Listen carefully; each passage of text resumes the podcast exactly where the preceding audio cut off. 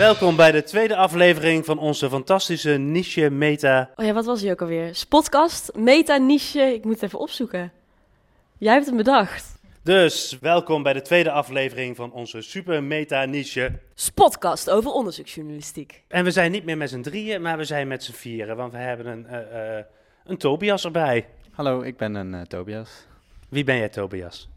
Nou, ik ben dus Tobias. Ik heb twee jaar bij Omroep Brabant gewerkt als onderzoeksjournalist eh, voornamelijk. En eh, daarvoor een heleboel dingen gedaan in de journalistiek. Bij, Wat zoal?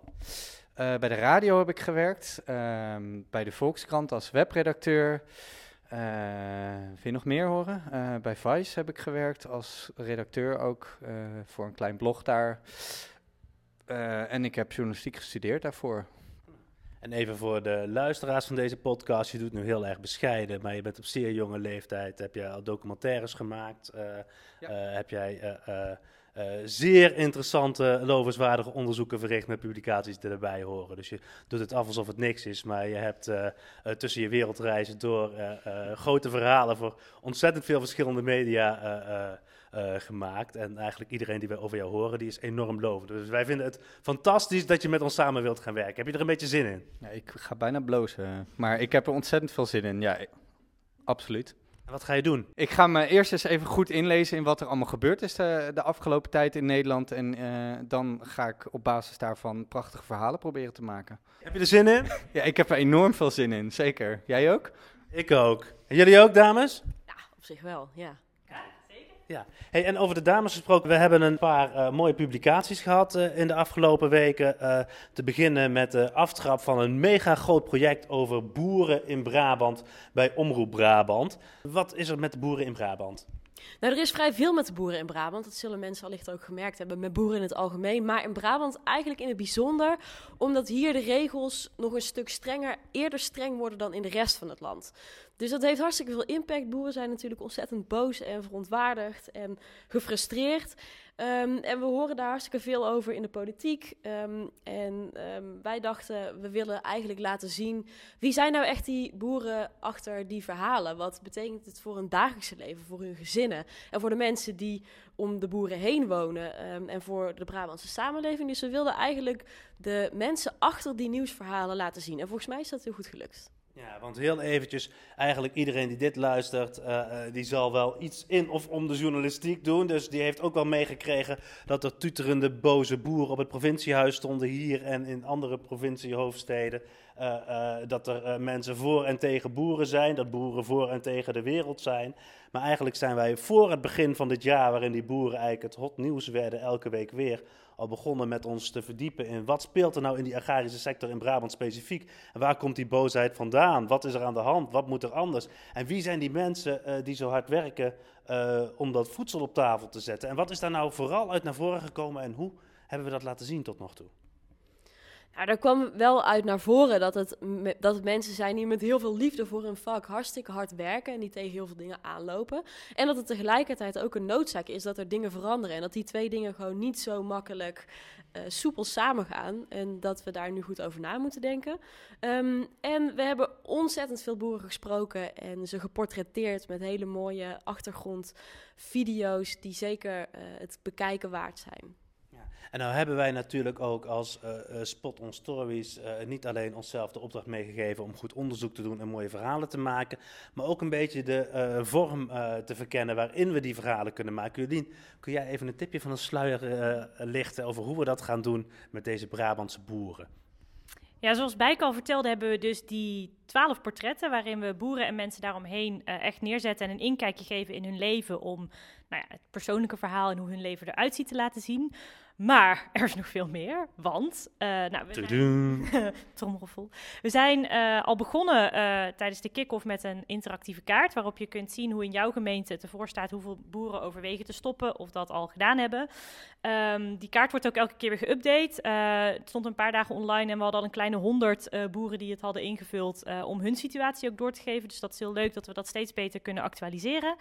Ehm, en komend jaar ja, gaan we daar nog meer spannende dingen mee doen, waaronder een een VR-productie. die gaan Matthijs en ik samen maken. waarbij je echt in het ja, hoofd van een boer kruipt eigenlijk. En echt een beetje om te kijken of je kunt voelen wat er nou speelt en met welke dilemma's die worstelt. dus dat is één manier waarop we dat doen. En als afsluiter of wat wilde je zeggen? Nou, toen jij over die VR-productie begon, dacht ik even terug aan het moment dat wij cursus hadden om die VR-productie te gaan maken. En toen hebben wij geleerd hoe wij ons kunnen inleven in een uh, vleermuis die vermoord wordt in ons eigen script. Dus dan dacht ik van, hé, hey, dan moet dat in een boer ook wel lukken. Maar goed, dat terzijde, Jolien. ja, we zijn goed voorbereid, zo, zoals Matthijs al vertelde. Um, ja, want daar hebben we ook geleerd dat dat vooral gaat over als je een bepaalde emotie wil overbrengen op je publiek. En dat is iets wat vaak bij onderjournalistiek gaat het heel vaak over de feiten en over de regels. En wij willen door dat soort nieuwe vormen kijken of we ook wat van die emotie kunnen overbrengen.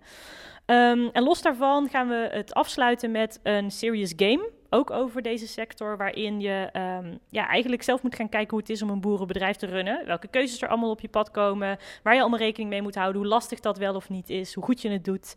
Uh, dus dat wordt de grote afsluiter over een paar maanden. VR, serious games. Tobias, klinkt interessant? Ja, ik uh, sta met grote verbazing te luisteren naar dit prachtige verhaal. Wat zou je er nog aan toe willen voegen? Uh, helemaal niks, dit was perfect. Over perfect gesproken. Ik heb... Matthijs pakt ondertussen even een nieuwe revue erbij, waar uh, zijn de laatst gepubliceerde verhaal op de cover staat. Wij zijn moderne kruisvaders, is de kop. Het is een verhaal over de Sint-Michael-brigade. Ik heb me daar het afgelopen half jaar in verdiept. Het is een groepje extremistische uh, katholieken, mag ik wel zeggen. Met name in West-Brabant, maar ook verspreid over de rest van het zuiden van het land. En uh, ik heb ze uitgebreid gesproken. Ik heb uh, mensen over ze gesproken. We hebben nou acht pagina's het kofferverhaal en de revue. Heeft een hoop uh, reacties uh, opgeroepen en ook wel wat leads voor nieuwe verhalen. Dus wij kunnen ons de komende maanden ook weer gaan verdiepen in de, nou hoe zeg je dat? De krochten van het katholieke Brabant? Nee, dat klinkt wel heel negatief, hè? Bijk, heb jij een betere benaming? Um, laat me even denken. Nog wat langer. Tik-tak, tik-tak. In de diepere structuren van het uh, katholieke leven in Brabant. In de diepere structuren van, de, van katholiek Brabant. In de, de onderliggende structuren van de katholieke de gemeenschap in Brabant. Maar goed, eh, naast uh, uh, katholieke roots in Brabant zijn er ook mensen die dus dat katholicisme doordrijven. En eigenlijk alleen maar de extreme uitwassen daarvan uh, willen vertegenwoordigd zien. Dat is niet iets waar de kerk zelf blij van wordt of uh, beter van wordt, maar dat levert wel interessante verhalen op. En uh, daar zijn we dus ook mee bezig. Verder leren wij niet alleen heel veel van onszelf en van elkaar, maar leren we ook andere mensen wel eens wat. En Bijk en Jolien, jullie zijn bij de KRO-NCRV geweest en jullie hebben daar een enorm innovatief gerichte redactie van de Monitor. Pointer was het. Die werken wel veel samen met de monitor, maar... Mijn eigen foutjes knip ik er wel uit, hè?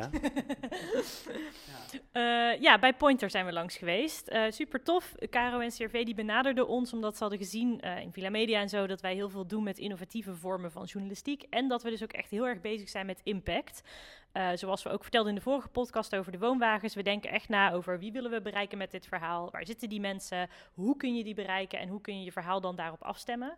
Um, dus dat hebben wij hen eigenlijk geleerd. Wat super cool is, want uh, het is een redactie waar wij zelf eigenlijk best wel ook een beetje naar opkijken. Pointer doet echt toffe dingen. Die hebben developers, designers, uh, die maken echt toffe producties.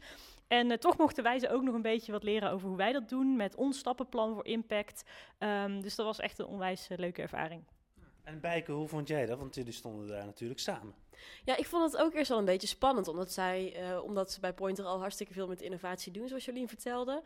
Um, en het was gewoon heel gaaf dat we, dat we toch iets konden toevoegen en een hele leuke dag hebben gehad waar iedereen heel veel ideeën van kreeg. Dus content, blij. En jullie vertellen dat het een leuke ervaring was. Voor, wat, wat ik uh, terug heb gezien na afloop is de reacties van die mensen van de reactie van uh, Pointer. Nou, ik sloeg de stijl van achterover, want die zeiden dat ze echt superveel van jullie hebben opgestoken. Dat het een heel leerzame dag was. Dat ze echt uh, voor de verhalen waar ze mee bezig zijn superveel nieuwe ideeën hebben opgedaan. Dus krijgt dit een vervolg, de workshops van Spot on Stories? Ja, wij hopen het absoluut, want we vinden het super leuk. We hebben echt al een soort passie voor eh, dat al die mooie kwalitatieve onderzoeksverhalen echt door een zo groot mogelijk publiek en zo'n goed mogelijk publiek uh, bereik, bereik, hebben. Dus voor de mensen voor wie het echt relevant is. Dus ja, elke redactie of elke journalist die zoiets heeft van hé, hey, daar wil ik ook meer over weten. ja, meld je vooral. Want we vinden het super leuk om mee te denken of om te helpen of om uit te leggen hoe wij dat aanpakken. Ben je dan namelijk zelf een onderzoeksjournalist van het kaliber Tobias of zit je daar net onder, wat natuurlijk ook geen schande is? Waarschijnlijk. Hè? Ja. Ga dan even naar spotonstories.nl en uh, daar staat ook uitgelegd wat je kunt krijgen aan uh, workshops en dergelijke van ons.